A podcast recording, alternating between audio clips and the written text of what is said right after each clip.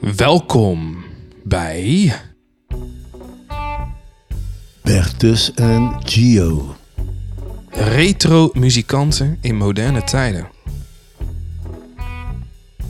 Dit is aflevering 3 van onze podcast. En vandaag gaan wij het hebben over plankenkoorts. Ja, en dan vooral de eerste plankenkoorts die ons eh, is overkomen. Spannend hè? Ja,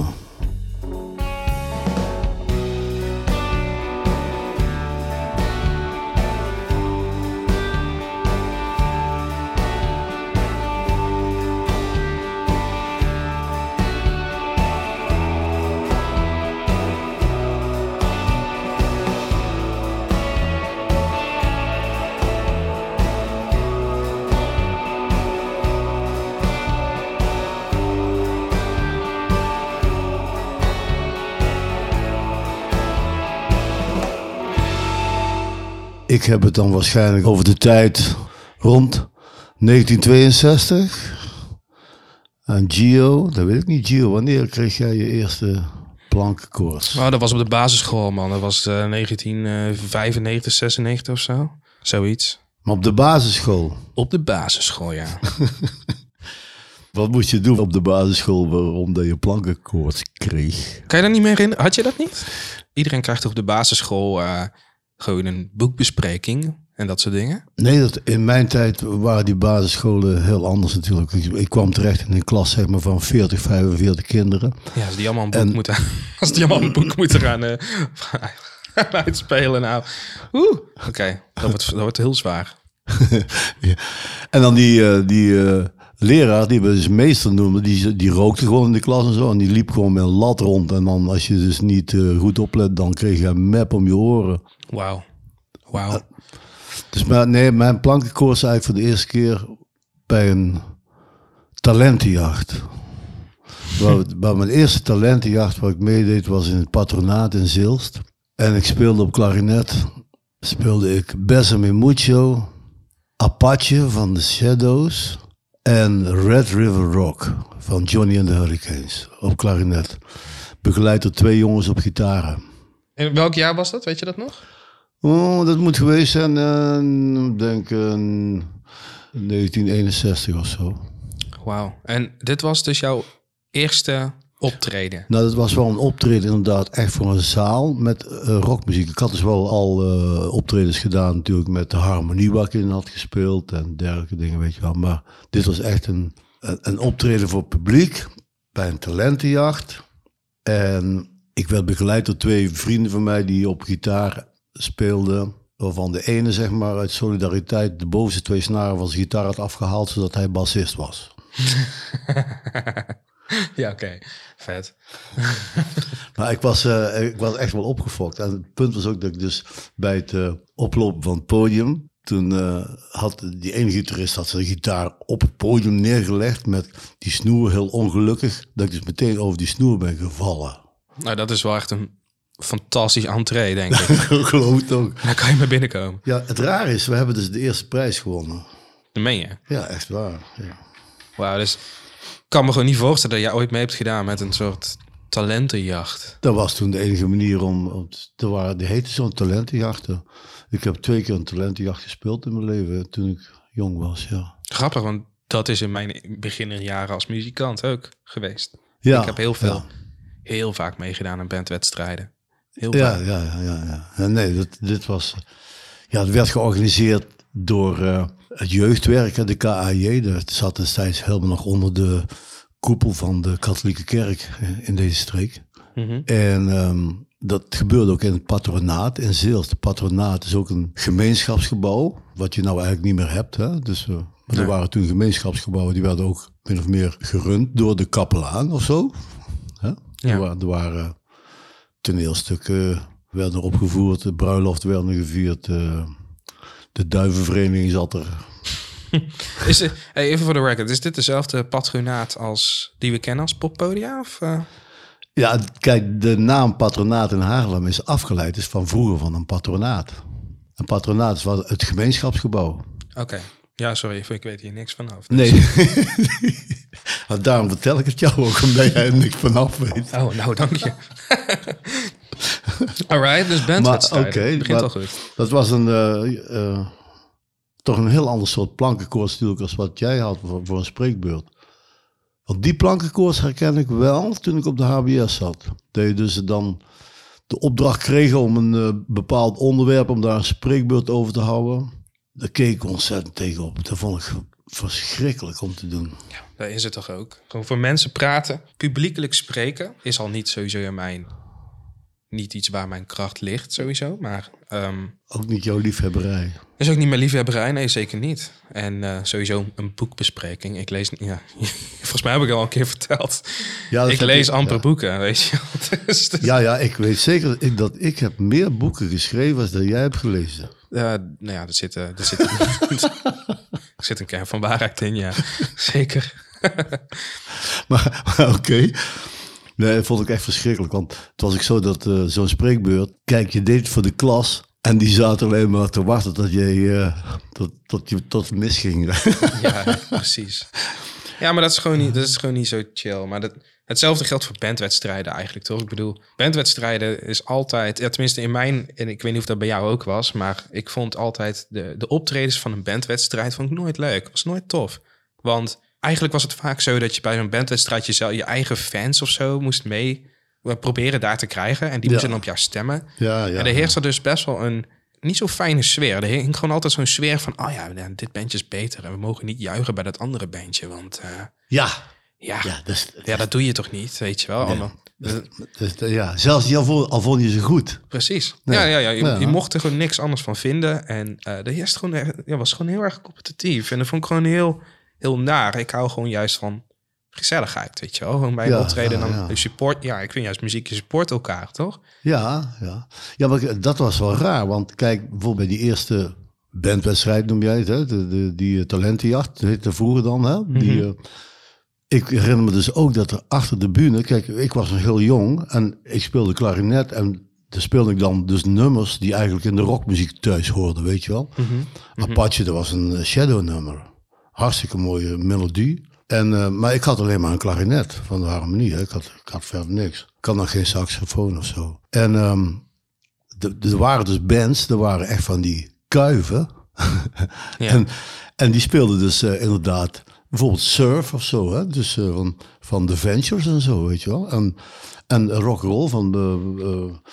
eh, ehm, echte, echte ro- rock'n'roll nummers, weet je wel. En ehm, er was op een gegeven moment was dus ruzie achter de bühne. Omdat dus eh, iemand had dus van het concurrerend bandje, wat eigenlijk heel goed was, die had gewoon stiekem de snaren doorgeknipt. Dat meen je niet. Ja, Wat? ja en toen ontstond er gewoon een vechtpartij achter de bühne. Dus, en die jongens die waren dus 18, 19 of zo. En ik was eh 14 of zo, weet je wel. Dus ik eh, moest er even, even helemaal... eh, ik dacht, ik ga even, even in een hoekje zitten, want ja, dit eh, gaat me te ver. Ja, Weet je wel? wat een drama. Ja. Oh my god. Toen had je nog niet het begrip fans en zo, hè. Maar het was dus gewoon een ja, soort eh, concurrentiestrijd. Achter de bühne was gaan, gaande gewoon al... Dus we zijn het erover eens. De bandwedstrijden, de vibe van een bandwedstrijd Is niet lekker. is nooit lekker. Nee. Nee, ik vind het niet leuk. Het is voor niemand leuk. Niemand heeft een leuke avond. Nee, niemand heeft een leuke avond, dat klopt. Maar het was wel zo, daar heb ik wel één ding heb ik toen opgestoken. Ik vond het, eh, ik was heel zenuwachtig voor de voren. En het rare was, wat ik al heel mijn leven heb trouwens, is dat als ik dan op de bühne sta met een instrument of met een microfoon of whatever, dan ben ik helemaal niet meer zenuwachtig. Nee? Nee, dan is het gewoon dus in, één, gewoon als ik dan die zaal in kijk en ik sta daar en ik heb een instrument en dan weet ik ook wat ik ga doen. En dan valt alles van me af. Ja. Ja, dat vind ik mooi dat je dat hebt. Eerlijk te zijn, ik heb dat ook. Ik heb dat met mijn gitaar, weet je wel. Ja, ik eh, ja. ik ben van nature natuurlijk meer gitarist. En ik heb bijvoorbeeld ervaren gewoon, zoals ik je net al vertelde met de boekbespreking, weet je wel, van zodra ik niks in mijn handen heb of niks heb waar ik me achter kan verschuilen, dan, dan blijft alleen maar mijn, mijn, ja, mijn communicatie of mijn, eh, mijn woorden blijven over. Ja? En dat vind ik super spannend. Vind ik echt. Ik ben zo bang om de verkeerde dingen te zeggen, weet je wel. Of niemand niet uit mijn woorden te komen. Of... En dat geldt, en dat Ja. heb ik eigenlijk op het podium ook. Alle keren dat ik heb geprobeerd om leadzanger te zijn of zo. Of dat ik een stuk presentatie in een set moest geven, weet je wel. Dat ik iets moet vertellen. dan heb ik maar één truc. Ik heb maar één truc. En dat is gewoon, maak maar een domme grap, weet je wel. Waar iedereen eh, hopelijk om kan lachen. Want, want ja, want meer, meer heb ik niet in huis, weet je wel. In ieder geval, want ik, ja, wat ga ik vertellen? Ja, waarom is het, hè? Of, eh, ja, nou, het volgende nummer gaat over pannenkoeken. En uh, ja, weet ik veel. Ik, we zijn, Ja, je, is- heerst gewoon, je heerst gewoon in een, in, een, in een vibe, weet je wel. Waar je gewoon, je bent gewoon, je bent een show aan het geven. Je zit er lekker in. Ja, Ja. ik, ik, voor mij... Dus het komt een beetje op terug op waar ik hiervoor ook heb gezegd. Weet je, ik ben een man van weinig woorden het liefst eigenlijk. Ik speel gewoon liever, weet je wel, met weinig woorden maak ik liever een verhaal, vertel ik liever een verhaal dan met veel woorden. Ja, ja, ja. ja dus eigenlijk ja, dat ik een podcast met jou aan het opnemen ben, is vrij bijzonder. Ja, dan moet ik niet te veel doen, weet je wel. Nee, precies. nee. hey, maar vertel eens even wat meer over je eerste bandje dan. Want dit was niet je eerste bandje, toch? Nee, dat was niet echt mijn eerste bandje, want het, in feite heeft het alleen maar dat optreden bestaan. Dus eh dat, dat was gewoon gerepeteerd in de, in de, in, in de KAJ eh, jeugdruimte. Ja. En we hadden ingeschreven, we hadden ook maar drie nummers, weet je wel. Ja, ja. En eh, we wonnen dus de eerste prijs. En de eerste prijs was 150 gulden. Wauw. En je mocht dan s'avonds op het bal spelen, zoals het heette.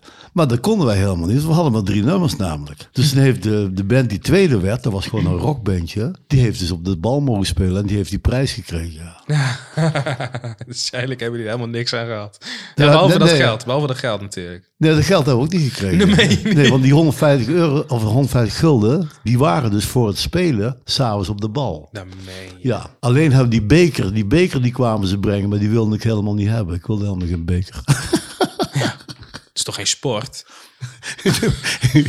ja, maar, ik vond zelf ook dat dat heel slecht ging en zo. Dat was heel raar. Maar goed, dat is een heel verhaal. Maar ja, ik ben je vraag eigenlijk vergeten. Ja, het eerste bandje, nee, dat kwam daarna. Het eerste bandje waar ik echt in kwam, dat heette The Evergreens. En dat was een band in Veldhoven, ook al van oudere jongens. Maar die hadden mij verteld en die hadden mij wel zien spelen op die eh talentenjacht met een klarinet.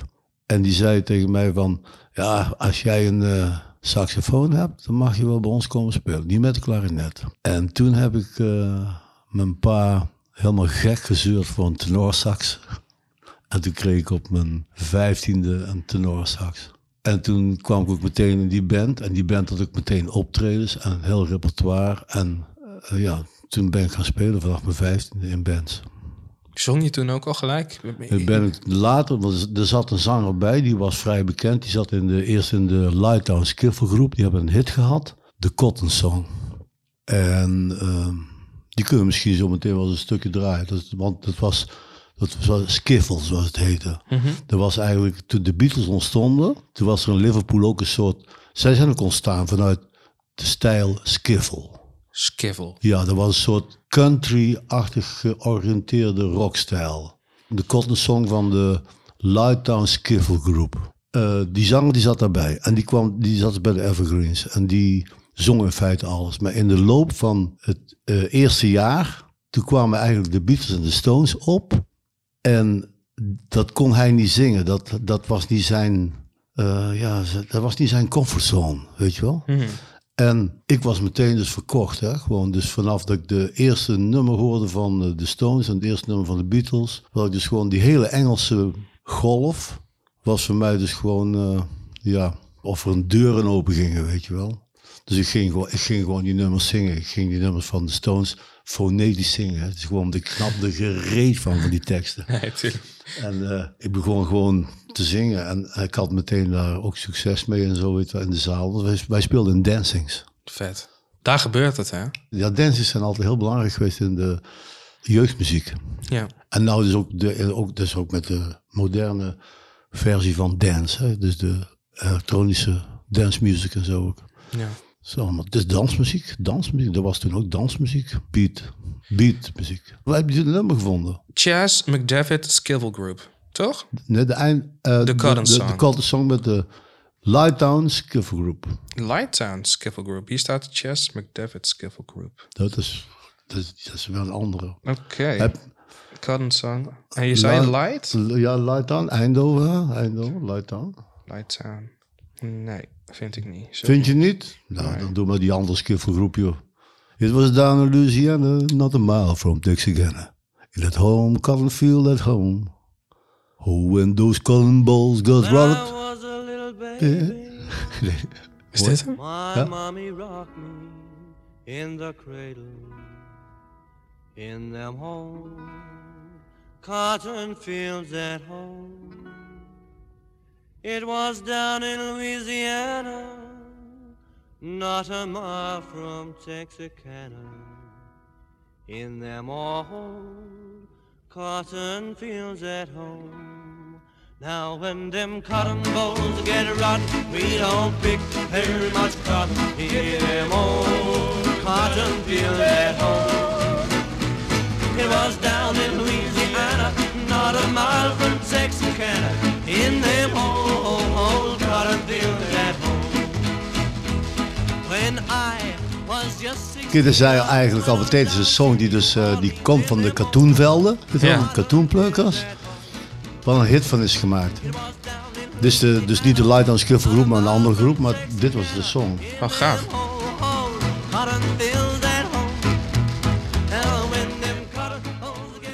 Wauw, gaaf. Dit- dit- dit- weet jij, in, in welke tijd hebben we het nou over? Dit- dit- Ik, ik denk dat het rond 1960 ergens moet gebeurd zijn, dit. Eh, of 59 zo, weet je wel. Dat was in ieder geval voor de tijd dat de zogenaamde beatmuziek opkwam. Dus eh, wat- dat de Engelse golf eh, opkwam met Beatles, Stones, eh, al die groepen, weet je wel. Mhm. En ehm, dit was het, de, de tienermuziek, zeg maar. De tegenhanger een beetje van rock'n'roll, van Gene Vincent en zo. Van dat echte harde rock'n'roll. Eh een ander nummer wat echt die tijd wat mij ook heel- wel indruk maakte, was bijvoorbeeld Sheila van eh, ehm, Tommy Rowe. Deze? Ja, deze. Sheila van Tommy Rowe. Dit was rock'n'roll. Sweet little Sheila, you'll know her if you see her. Blue eyes and a ponytail. Her cheeks are rosy, she looks a little nosy. Man, this little girl is fine. Dit, dit sprak me meer aan dan Skiffle. Never knew a girl like a little Sheila.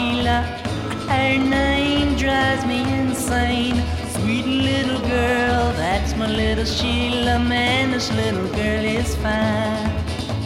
Me and Sheila go for a ride. Oh, oh, oh, oh, I feel funny inside. Then little Sheila whispers in my ear. Oh, oh, oh, oh, I love you, Sheila, dear. Sheila said she loved me. She said she'd never leave me. True love will never die. We're so doggone happy. Just Vind het mooi? Ik vind het heel mooi. Ik, zit, ik, ik luister dit natuurlijk nu met koptelefoon en ik vind het heel interessant om te luisteren naar de mixen van deze tijd.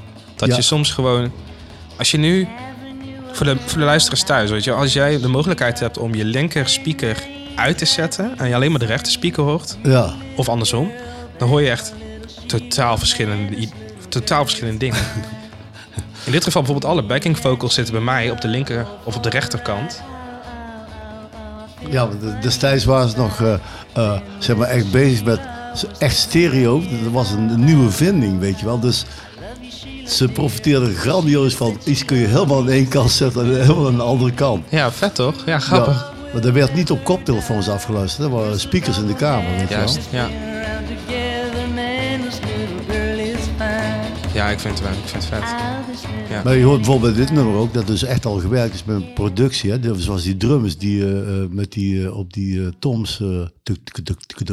Dat is echt gewerkt op sound, weet je wel. En die skillfulgroepen die speelden gewoon, er werd gewoon opgenomen zonder meer. Maar dit is al echt een studioproductie. Maar goed, kijk, het punt is eigenlijk dat in die tijd, je was eigenlijk niet zozeer... Ja, muziek was een, een ding om mee bezig te zijn, maar het is wel zo dat het belangrijkste vond ik eigenlijk in die tijd tegelijkertijd eh, was ook eh, meer of meer het eh, opkomen van je, ja, van je eigen seksualiteit en zo. Hè? En ook je, het zoeken naar jouw plek in het totaal. Hè? En je wilde dus ook gezien worden. Je wil er zeker gezien worden. Maar je wilde gezien worden zoals je vond dat je was. Ja. Weet je wel? En Ja. terwijl je zelf nog in de war was van hoe je was. Ja, dit, maar dit was wel een beetje middelbare schooltijd, toch? Waar we het nu Ja, het hebben. begin van de middelbare school, dat je 15, dat je 15 bent. Weet je Ja, wel? precies. Het tweede, derde jaar van de middelbare school. Dat komt bij mij wel overeen, ja. Die tijd was ik ook alleen maar bezig met gitaar spelen. Zodanig veel. dat mijn school eronder ging leiden, weet je wel. Dat, eh, Oh ja. Oh man, oh man, oh man. zo? Ja. Ik wist niet dat je, dat je er zo mee zat, joh. Oh nee, nee, helemaal niet. Hey, ik vind het grappig om daaraan terug te denken. Van, Wil dat- je wat drinken trouwens? ja, doe maar, eh, doe maar een glaasje. Appelsap. Nee, perensap. Pe- oh, sorry hoor. Ja, ik vond die eh, kleur van perensap vond ik eigenlijk een mooie, mooiere kleur dan appelsap. Ja, ja, daar hebben de luisteraars hebben daar veel aan. Maar jullie kunnen erbij visualiseren dat perensap is iets troebeler en eh, witter dan appelsap. Is wat bruiner en helderder. Nou, hey, we zouden het over muziek hebben. ja, nee, maar jij, maar je zegt van, de, jij was dus, jouw school had eronder, zat eronder te lijden. Zeker. Jouw studie leed onder jouw vlucht in het gitaarspelen natuurlijk. Precies. Een gitaar was mijn afleiding natuurlijk. En ik zocht in die tijd ook heel veel afleiding. Ik ben natuurlijk gewoon niet zo'n hele goede student. Ik ben niet heel goed in leren. Maar ik ben wel heel goed in me concentreren op één ding tegelijk. Ah ja, En dat vond ik juist met gitaarspelen vond ik dat heel, heel, heel gaaf. daar kon je diep induiken. Daar kon ik heel diep induiken. Dat was heel fijn. En daar doe ik soms nog steeds wel eens. En zo kwam bij mij ook al mijn, eh, mijn eerste bandje rond die tijd ook wel van de grond, weet je wel. Rond eh, de middelbare schooltijd. Gewoon, ehm, ik denk dat ik 14 of 15 was of zo. Maar werd jij dan ook, eh, zeg maar, gevraagd door iemand om mee te komen spelen of zo? Of, kijk, ik, ik had het geluk dat ik eigenlijk met die talentenjacht in beeld was gekomen van oudere jongens die een band hadden, weet je wel? Ja, maar dat, dat had je denk ik in de scene van waar jij vandaan komt of zo heel erg. Maar bij ons in de Phoenixwijk Maarse, zoals wij die noemen, was er niet echt een scene. Ik had gewoon een, een, hele goede vriend op de middelbare school. Ja, die heette Jesper. En eh, hij heeft mij geïntroduceerd met het instrument de gitaar. En na de hand zijn we, zijn we, is dat ook een van de gasten met wie ik mijn eerste bandje heb gevormd. En dat heette Oh ja. toen The Wild Stallions, heette dat. Zo. The Wild Stallions. En eh dat waren eigenlijk gewoon opgezet met allemaal eh, vrienden en eh, gasten met wie we hingen op de skatebaan. En ja, en daar, daar gingen we gewoon een beetje proberen mee nummers te schrijven, weet je wel. Maar weet je nog hoe dat bandje dan ontstond? Ik bedoel in de zin van, had je, zocht jij die jongens uit of zochten die jongens, ging je dat vanzelf dat ze bij elkaar kwamen of zo? We waren gewoon al heel erg goed bevriend. Gewoon, Ah, ja. Het was gewoon je, je hanggroep van de middelbare school, weet je wel. Er waren gewoon je, je matties met wie je na school ook ging hangen. En we waren denk ik ook wel de meest... Niet zozeer dat ik een super alternatief persoon ben om te zien, maar... Wij waren wel alternatief gelijk voor de, de normale mensen die in Maarsen woonden, zeg maar. En zeker op die leeftijd natuurlijk. En zeker op die leeftijd. is precies wederom... Dat, dat is ook hoe ik gezien wilde worden. Ik wilde me juist onderscheiden van het Ja. normale volk, ja. tussen haakjes gezegd. Ja, ja, ja dat is wel normaal hè, rond die tijd. Je wilt, je wilt jezelf, eh, eh, je, je identiteit echt wel eh, uitdragen. Zeker. Dus ik droeg bandshirts, weet je wel. En ik had van die handschoentjes zonder, zonder vingertoppen.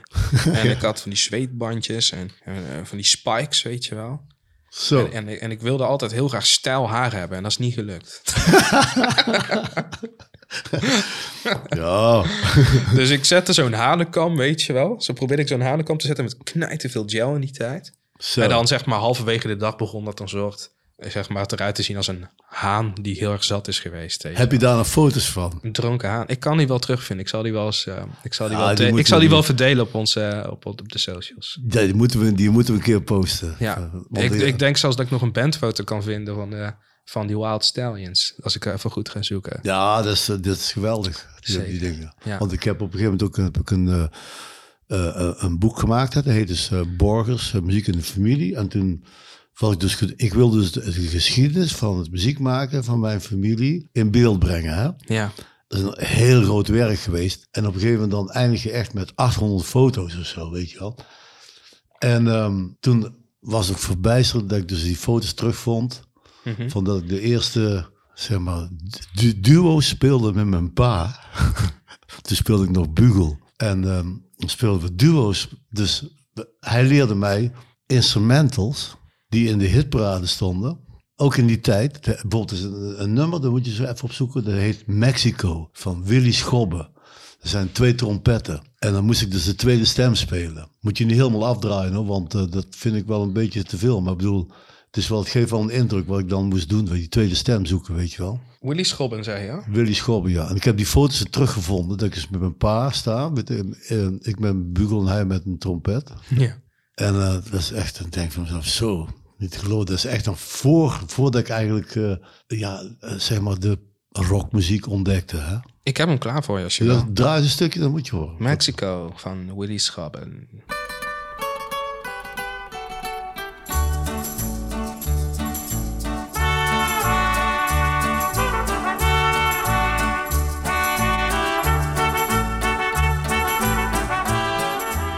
Speelde mijn pa speelde dus de lead. En ik moest die tweede stem spelen.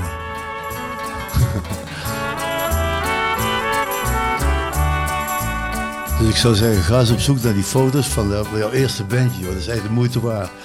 Trouwens, van ik- de eerste bandje van de Evergreens, er zijn hele mooie foto's van, staan ook in het boek.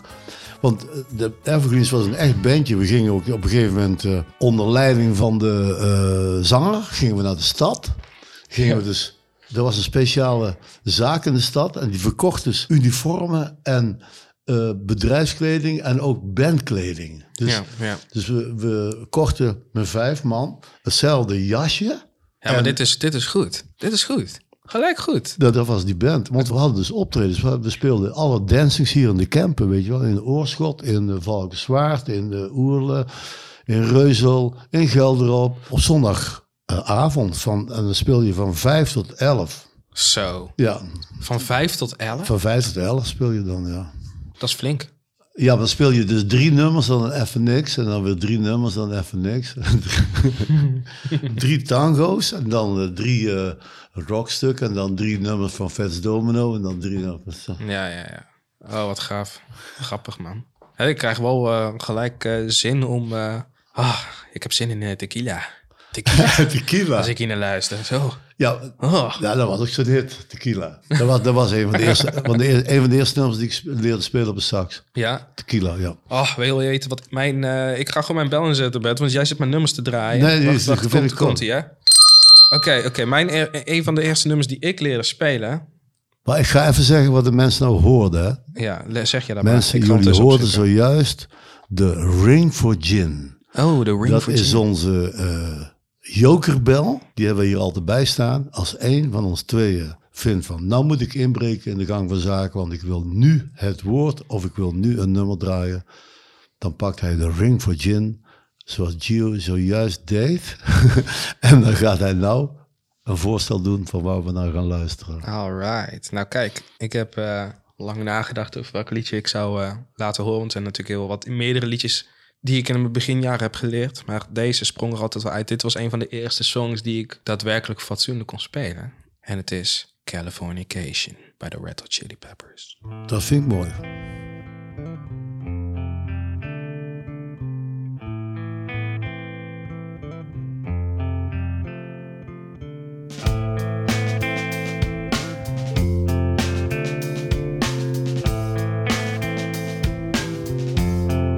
Deze spelen we ook met dat bandje toen. The Wild Stallions.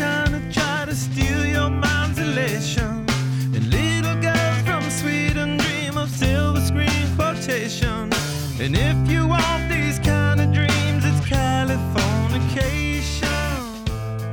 Dat is wel typisch, want ik heb dit, dit nummer bijvoorbeeld... ik heb echt eh, kapot gedraaid in de auto. Ja? Ja, ik had gewoon die, de, de album in de auto.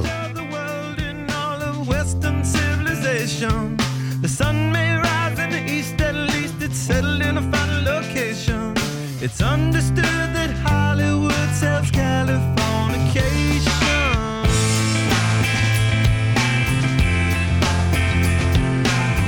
Ja, dat is gewoon heel, heel goede muziek. Ja, dat is waanzinnig. Ik merk wel dat daar een verschil in zit, weet je wel. Van waar je opgroeit. Dat maakt zoveel uit voor Ja, de scene, weet je wel. Ik bedoel, je, zei- je, je vroeg net van waar, waar vond ik dan deze muzikanten? Maar in dit geval, dat waren gewoon klasgenoten, weet je wel. En Ja, Ik ben pas echt andere gedreven muzikanten gaan vinden... toen ik ging wat serieuzer ging repeteren, weet je wel. In een Ja. echte repetitieruimte. Dichtstbijzijnde die er toen was. Hè. Ik woonde in Maarsen, dat is vlakbij Utrecht. Dus als ik wilde repeteren, moest ik toen ook naar Utrecht toe. ja, Dus ik pakte de fiets en we gingen drie kwartier fietsen... met mijn gitaar op mijn rug. ja. En dan gingen we naar D-Base, een eh, oefen, eh, oefenruimte in, eh, in de Utrecht Zuiden, Aha. op de Cartesiusweg. Dat vond ik zo gaaf, de eerste keer dat ik daar kwam. Je komt daar binnen en je komt eigenlijk in een soort, ja, wat is het? Kroeg binnen eigenlijk, zo lijkt het wel, in het begin. Allemaal bankjes en eh, allemaal muziek, muzikanten die daar maar rondlopen. Een pooltafel, een rokershok, een bar. Ja, En, Ja, en, en je, ik weet nog gewoon heel goed, de eerste keer dat ik daar binnenkwam, ik was stond helemaal versteld. En een- vet om te zien dat er zoveel andere muzikanten waren, weet je wel. Want daarvoor repeteerde ik alleen maar op school, weet je wel. In het muzieklokaal op school. Ja, ja, ja. Gaaf. Want, want, want toen ik toen naar, daar naar binnen ging en ik kwam uiteindelijk in die, wal, in die lange hal met allemaal deuren terecht, weet je wel, waar eigenlijk al die ruimtes, eh, die repetitieruimtes verstopt stonden. Ja, je kon op die hal kun je natuurlijk elke band horen. De- Iedereen was hartstikke goed ook voor, voor mijn gevoel toen, weet je wel. Ja. En toen ik die ruimte inliep, ja, toen wist ik niet waar ik me overkwam, joh. En toen zag ik, ik als gitarist, weet je, die alleen maar tot nu toe heeft geoefend op zo'n klein oefenversterkertje die helemaal nergens naar klonk, kon ik daar in die repetitieruimte op zo'n echte grote versterker spelen, weet je, op echt een, eh, met een losse kabinet en een losse top. Op een Marshall, waar eh, mijn grote held eh, Slash ook op speelde. Nou, ik vond het echt, was echt de droom, weet je wel, om dan daar drie uur te mogen zijn. Ja, Kijk, in, toen ik 15 was, toen bestond er helemaal geen muziekindustrie. In mijn omgeving sowieso niet. Terwijl bij jou, er was al een hele industrie rond popmuziek. juist. Met eh scenes en instrumenten en al die dingen en zo, weet je wel. Ja, dat was echt gewoon een oefenruimte, weet je wel. Gewoon, eh, en gewoon goed opgezet, weet je wel. Ja, ja, ja, ja. ja. Rond die tijd was dat, ja, dat klopt. Ja, het raar was wel dat bijvoorbeeld, het, eh, bij mij ging het dus echt op de, oh, zeker toen ik een jaar of 15 was. Eigenlijk was ik alleen maar bezig het hele weekend met meisjes. Dus dat was veel belangrijker dan dat muziek maken, dat deed ik er eigenlijk bij. Ja, joh. Jouw hoofdhobby was meisjes. Nou, het was geen hobby, het was gewoon, dat was gewoon wat me compleet eh, obsedeerde. Snap ik. En eh, eh, het muziek maken, dat vond ik eigenlijk leuk, omdat ik dan succes had met de meisjes. Wat veel- meer dan met voetballen. Bij voetballen had je alleen maar succes met die mensen die langs het veld stonden en zo, weet je wel. Ja. En die kleedkamers waren saai van voetballen. Mhm. En de kleedkamers bij het muziek maken, die waren leuk. Daarom heb ik op een gegeven moment ook gekozen in de weekenden voor muziek maken. Dan heb ik voetballen laten vallen. En, eh, Snap ik wel. want ik, ik, vond, ik vind nog steeds eh, voetbal van. Ja, ik vind. eh, ik heb er heel lang nog een te gekke bezigheid eh, gehad. Maar ik ben gestopt met eh, bij een club spelen Mhm. toen. En later heb ik alleen nog wat eh, gespeeld zo bij eh café elftallen. Maar eh, daar moeten we het niet over hebben. Het gaat erover uit van, van plankenkoorts. Maar Dat had ik niet meer in die tijd. Nou, nou bij mij eh, blijft het toch altijd terugkomen rondom als ik moet zingen of moet praten. Joh. Als ik bedenk me net, weet je wel, ik moest weer terugdenken aan de Rock Academie. Weet je wel, op een gegeven moment had ik een masterclass. Wij gitaristen kregen toen een soort masterclass. Dat was een paar weken lang, e- één keer in de week of zo. En dan moesten we gaan zingen. Gewoon zonder instrument, gewoon gaan zingen. Aha. Kregen we eigenlijk gewoon een soort zangles. En dat was pas de eerste keer dat ik ontdekte van... wauw, ehm, ik moet nu gaan optreden zonder dat ik iets in mijn handen heb. Weet je wel, ik moet gewoon voor gaan zingen. Nou, dat was echt het allerengste wat ik ooit gedaan heb, denk ik. Dat was echt, dat vond ik echt niet leuk. nee, dat vond ik echt niet grappig. Dat- En daar zou, ik, daar zou ik denk ik nu nog steeds moeite mee hebben. ook. Dat is wel raar, ja, dat- want dat is bij mij totaal anders ontstaan. Dat namelijk, wat ik net zei, ik kwam bij de Evergreens en da- daar was ik niet de zanger. Ik was gewoon gevraagd voor die saxofoon. En toen, na een jaar, kwam er dus die Engelse golf op. En die zanger, die had eigenlijk daar niet de touch voor, weet je wel. En ook niet zo. Terwijl ik vond het dus te gek, die Beatles en zo. De, het eerste nummer van de Beatles wat ik hoorde, dat heette Love Me Do. Op de een of andere manier had het iets, ik dacht van, nou, het is helemaal, hier, hier, wil ik, hier, hier hoor ik bij, weet je wel. Ja. En ehm, het bleek dus ook dat ook mijn uiterlijk ging dus veranderen. Want dat was natuurlijk heel belangrijk. Ik koos andere kleren, ik liet mijn haar groeien. Ik ging mijn haar niet als een, als een kuif zeg maar, naar achteren kammen, maar gewoon laten groeien, weet je wel. Eh, waardoor er natuurlijk eh, heel veel eh, toestanden ontstonden overal. Dat, ik mocht niet meer binnen bij mensen. Ik ruzie met mijn vader. eh, al dat soort dingen, weet je wel. Omdat je er gewoon niet meer netjes uitzag. Ja, het was gewoon... Dat, dat mocht niet. Je moest gewoon naar de kapper. En, eh, Ja. Net als toch eigenlijk het hele de Beatles verhaal, toch? Van de, ja, de- ja, dus dat, en dat, dat gebeurde dus bij de Evergreens, dus de repertoire van de Evergreens, dat veranderde ook omdat ik dus nummers ging zingen. Weet je wel. En ik ging ze dus gewoon zingen omdat ik wilde per se zingen. En ik ken die tekst helemaal niet. Want ik weet nog dat ik eh, vooral het nummer van eh, Get Off of My Cloud van de Rolling Stones. Nou, die tekst, ik begreep er niks van. en dat heb ik helemaal fonetisch eh, nagebootst en gezongen.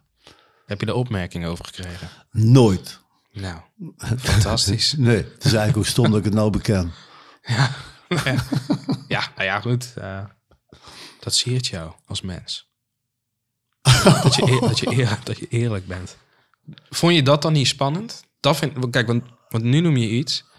Hè, eigenlijk, ik weet niet of dat niet goed voorbereid was voor het optreden. Maar als ik bijvoorbeeld echt een, een, eh, bijvoorbeeld een invalklus moet doen. Ja, Hè, ik bereid me in principe altijd goed voor. Maar stel je voor, je moet eh, tien nummers leren ja, ja. in een week. Ja, Dat is op zich wel te doen. Maar ik perform altijd lekkerder als ik gewoon die nummers al, bij wijze van spreken, een maand van tevoren al in mijn hoofd heb zitten. Dan, want dan kan ik gewoon heel die songstructuur kan ik dan dromen. Dan pas voel ik me goed voorbereid. ja als ik dan ja. zo'n show ga. Terwijl als ik hem in dit geval een week van tevoren moet beginnen aan tien nummers instuderen, dan, dan gaat het bij mij dat optreden nooit 100% lekker. En daar merkt in principe het publiek vaak niet echt iets van. Maar dat, is wel, dat doet wel veel met hoe ik perform. En, Ja. eh, en wederom, dan voel ik me dus die plankenkoortendeel. Dat heb ik dan veel meer dan. Dan heb ik, ben ik veel gespannender. Dan ga ik meer zenuwachtig ben ik dan, zeg maar. Ja, ja, ja het rare was dat ik wilde per se zingen. En het interesseerde me helemaal niks of die tekst eh, wel eh, niet goed was. Het interesseerde me eigenlijk helemaal niet. En ik had ook niet het idee dat iemand in zo'n dancing wist dat ik die tekst niet kende. Dit vind ik dus zo bijzonder. Want de reden waarom ik dus bang ben als leadzanger of met presenteren of al deze dingen is juist onder andere omdat ik bang ben dat ik de tekst vergeet. En jij zegt van ja, ik uh, zing het gewoon fonetisch er doorheen en het komt er wel goed. Ja, ja ik, ik, ik let alleen op dat de, de, de keylines, hè, de, de, de refreinen en de keylines, die, gewoon, die had ik voor elkaar. En dan die, eh, die coupletten, daar begreep ik helemaal niks van, jongen. Want ik, ik kwam naar de rampers achter dat ze het hadden over de Union Jack. Maar ik wist helemaal niet wat de Union Jack was natuurlijk Wat, kan, je, kan je even voordoen wat je deed, eh, Bert? dat weet ze niet, maar van, uh, kijk, het refrein, daar weet ik nog wel van. Uh, hey, hey, he, he, get off of my cloud. Cause two is a crowd on my cloud, baby. Dat, is, dat was het refrein, weet je wel. Dat Ja. had, dat, dat, en die snapte ik ook helemaal, weet je wel. Van, uh, ga van mijn wolkje af, hè, want twee is te veel op mijn wolkje, weet je wel. Dus Ja. daarom sprak dat nummer me aan. Juist. En alles wat er tussendoor gebeurde, ja, het interesseerde mij ook niet zoveel, wat Mick Jagger zong. Maar het, ik wist niet wat het was. Maar ik zong het wel gewoon in de dancing. Ja, ja, ja, precies. Ja, ook met de, iedereen, geeft toch ook, iedereen geeft toch ook alleen maar in dat om het refrein, Bertus. Ja, maar het- kijk, het was anders bijvoorbeeld bij, bij bepaalde nummers, dan telde de tekst wel. Maar ik was nee, niet zenuwachtig over. Maar bovendien het was zo dat ik altijd heb gehad dat ik, ehm, als ik dus ook met eh spelen, met sax spelen en zo. ehm, ik was vaak, nou nog trouwens, ben ik slecht voorbereid. Maar ik red me omdat ik op het moment altijd nog wel iets kan verzinnen op het podium. Weet je wel, ik improviseer heel veel op het podium. Ik speel ook nooit hetzelfde. Zelfs een eh, nummer als Still Believe, zing ik elke avond gewoon anders. Ja, Gewoon omdat ik gewoon het, ik heb een eh, ontzettend respect voor het moment. Dat, ene moment dat ik leef, dat vind, dat vind ik heel belangrijk. Dat ik er gewoon dat moment zelf breng ik. En ik ga niet iets eh, herscheppen van wat ik heb eh, een week geleden heb bedacht of zo. Dat vind ik saai.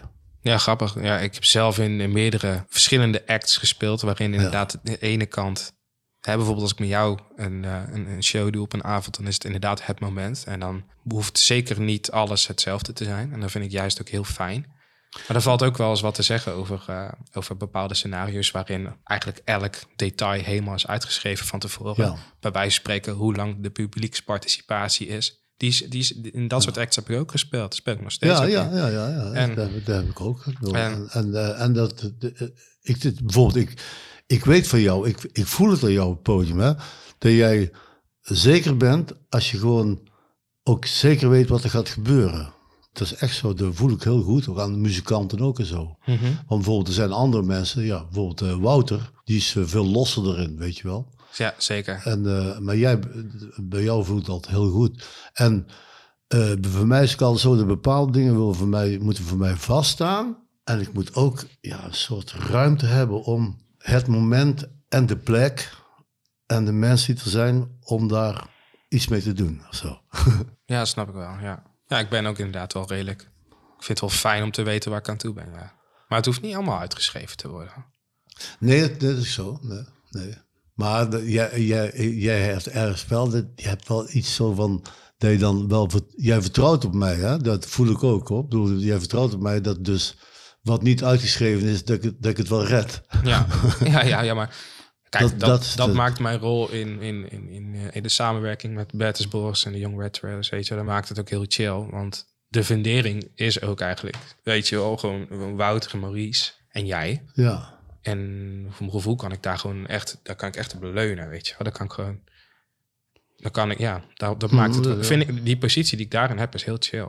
En zij luisteren heel erg goed. Ga je bellen? Kijk eens. ik ga bellen. Maar weet je waarom ik ga bellen? Ik vind gewoon dat we terug moeten naar het, eh, toen we 14, 15 waren. 14, 15. Ja, want dat vind ik dus ontzettend interessante periode in mijn leven geweest. Omdat het, eh, in die tijd heb ik keuzes gemaakt voor het leven. Dat wist je toen niet. Maar het rare is dat je daar kies je.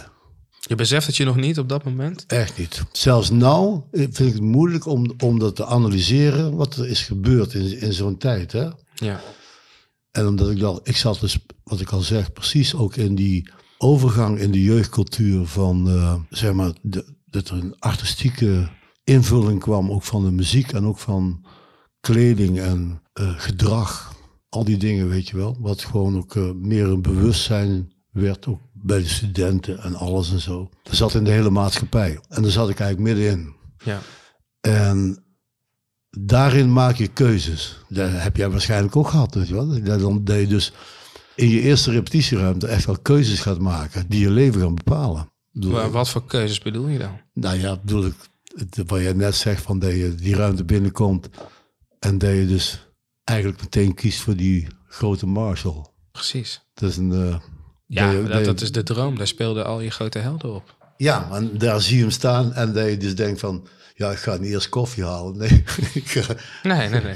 Nee, nee. grap- grappig inderdaad. Maar dat was inderdaad voor mij het punt van dit, dit is wat ik wil doen met mijn leven. Weet je wel? Ja, right. Dat, dat, dat noem je dus een keuze voor het leven.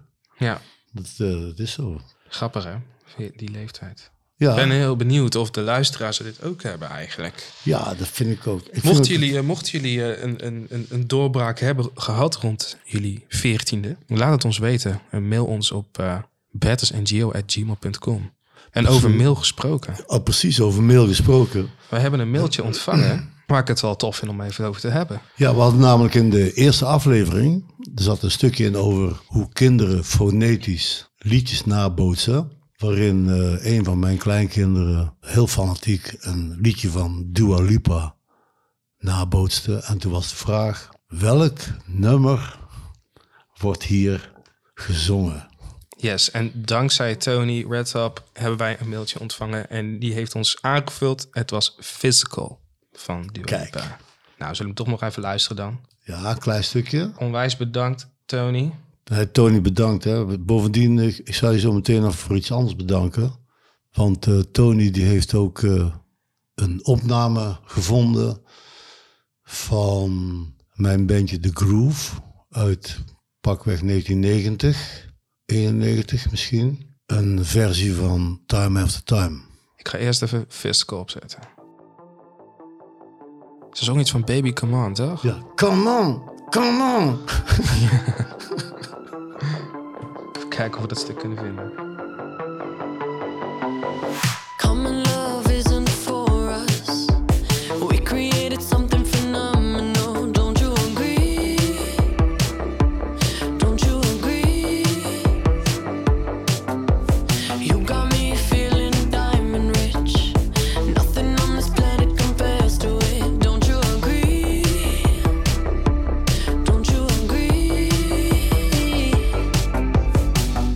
To go to sleep when I got you next to me? All night I ride with you. I know you got my back and you know I got you. So come on. Come on. Daar is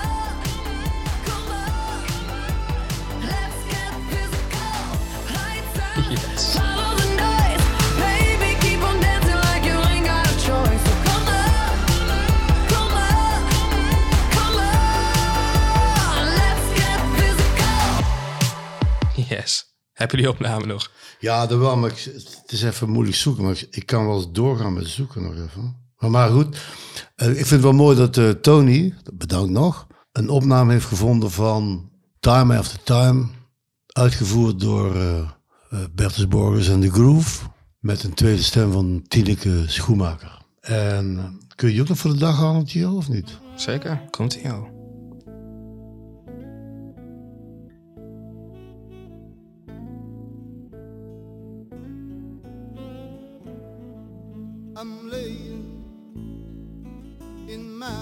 En dit nummer kun je niet vinden op Spotify. Maar ik zal dus even mijn best gaan doen deze week om het hele album van uh, Bert Spores en The Groove, om dat in de digitale wereld te brengen.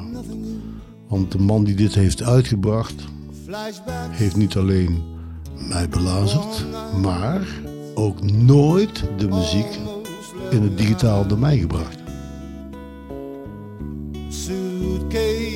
Of memories.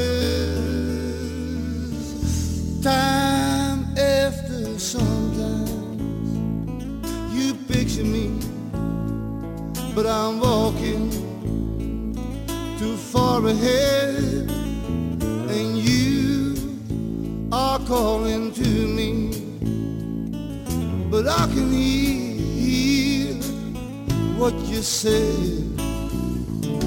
Then you say, go slow, you fall behind. The second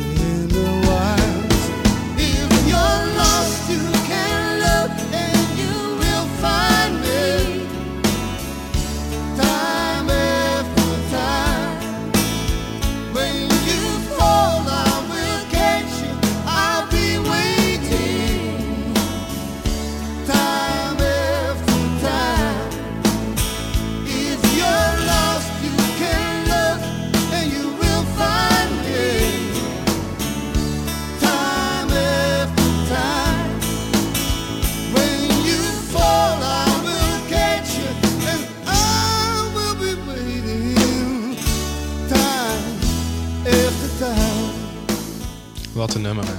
Een prachtig nummer. Weet je nog met wie je speelde hier allemaal? Ja, dat weet ik nog precies. Eh, drums was eh, Hen- Henry van Bergen, bas was René Lopez, gitaar was ehm, eh, Erwin van Lichten. Wauw. En ik had dan gast zangeressen. Dus de, dit is Tineke Schoenmaker. En had ik dus een ander nummer met Julia Loco. En nog een nummer met eh Mildred Douglas. Ja, ja. Secret Ja, dat waren nou eens tijden. Hey, en waar was dit eigenlijk? Dit was live, toch? Nee, deze is, eh, di- dit is in de studio. Eh, we hebben twee albums gemaakt. één live album en één studio album.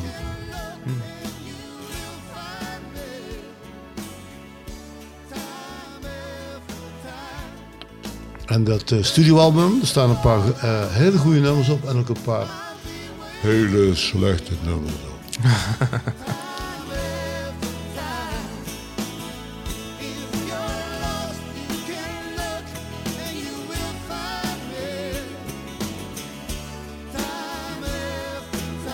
Tineke zingt nog steeds eh, te gek hoor. Bij, de zangeres van Barrel House. Oh. En zij is echt eh, de beste blueszangeres van Nederland, al, al 40 jaar. Hè. Wauw.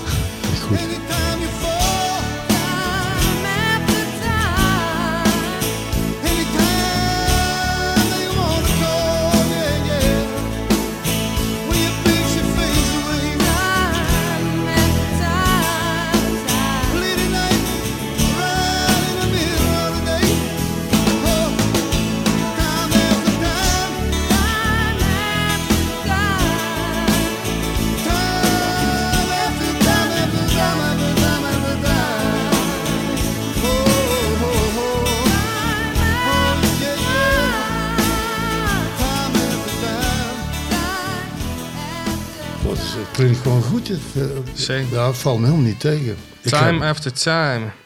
Bad as Boris and the Groove. Ik, eh, Nou, niet te geloven. ik vind het fantastisch, joh. Ja, ik denk dat ik eh, maar eens even erin moet duiken wat ik nog in mijn archief heb liggen hierover. En dan ga ik het online zetten. Kijk, ik heb niet de recht om het on- online te zetten. Maar ja, die man die heeft mij eh, zo eh, beroerd behandeld dat ik, als hij een proces begint, dat vind ik best. Ja? Dan zou ik dus even uitleggen voor de rechter, ja. Oké. Nou, Maar goed, Dat terzijde. dat terzijde, precies. Dat, dat heeft helemaal niks met plankenkoorts te maken. Dat is een soort eh, remorse. Remorse. Revenge. Oké. Alright. Hey, ehm, we willen nog even wat, eh, wat pluggen. Ja, doe eens, doe eens wat pluggen. Doe Vind eens even ook. wat pluggen. Bijvoorbeeld, wat heel belangrijk is, te, eh, is dat wij hebben een manier gevonden om ons te supporten in ons werk, in ons onbetaald werk. er is een website voor, die heet Petje Af. Dus als je Petje Af, Bert en Gio, dan kom je op een portal waar je op verschillende manieren ons kunt supporten. Bovendien krijg je er iets voor terug. Want bijvoorbeeld, we hebben een prachtige kerstsingel uitgebracht. Moeten we daar niet iets van draaien? Nee, hè? Nee, Nee, want het is, het is al lang geen kerstmis meer. nee. Nou, daarom. Dan heb je al van een kerstliedje voor volgend jaar, toch? Ja, dat is zo. Nee, maar je kunt ons supporten eh, met een kleine bijdrage op petjeaf.nl Ja. slash volgens mij Bets en Gio. En we willen jullie, de luisteraar en Doorklink, met wie we deze podcast samen maken, onwijs bedanken. En ehm we zijn eigenlijk van plan om elke eerste vrijdag en derde vrijdag van de maand om 9 uur s ochtends een nieuwe aflevering van onze podcast de wereld in te sturen. Wat een nobel streven is, hè? Behoorlijk. En je kunt ons altijd bereiken op het Gmail-adres, hè? bertusangio.gmail.com. Ook op inspreken. Op inspreken. Voicemail ja, voicemail, ja. Te gek, man. Nou, dus je kunt een voicemailbericht inspreken. Mocht je vragen hebben, misschien draaien we het wel in de podcast. En eh, Kan zijn. wij willen jullie onwijs bedanken, lieve mensen. En we bieden onze verontschuldiging aan dat we afgeweken zijn van het hoofdonderwerp plankenkoorts. Tot over twee weken. Bye bye.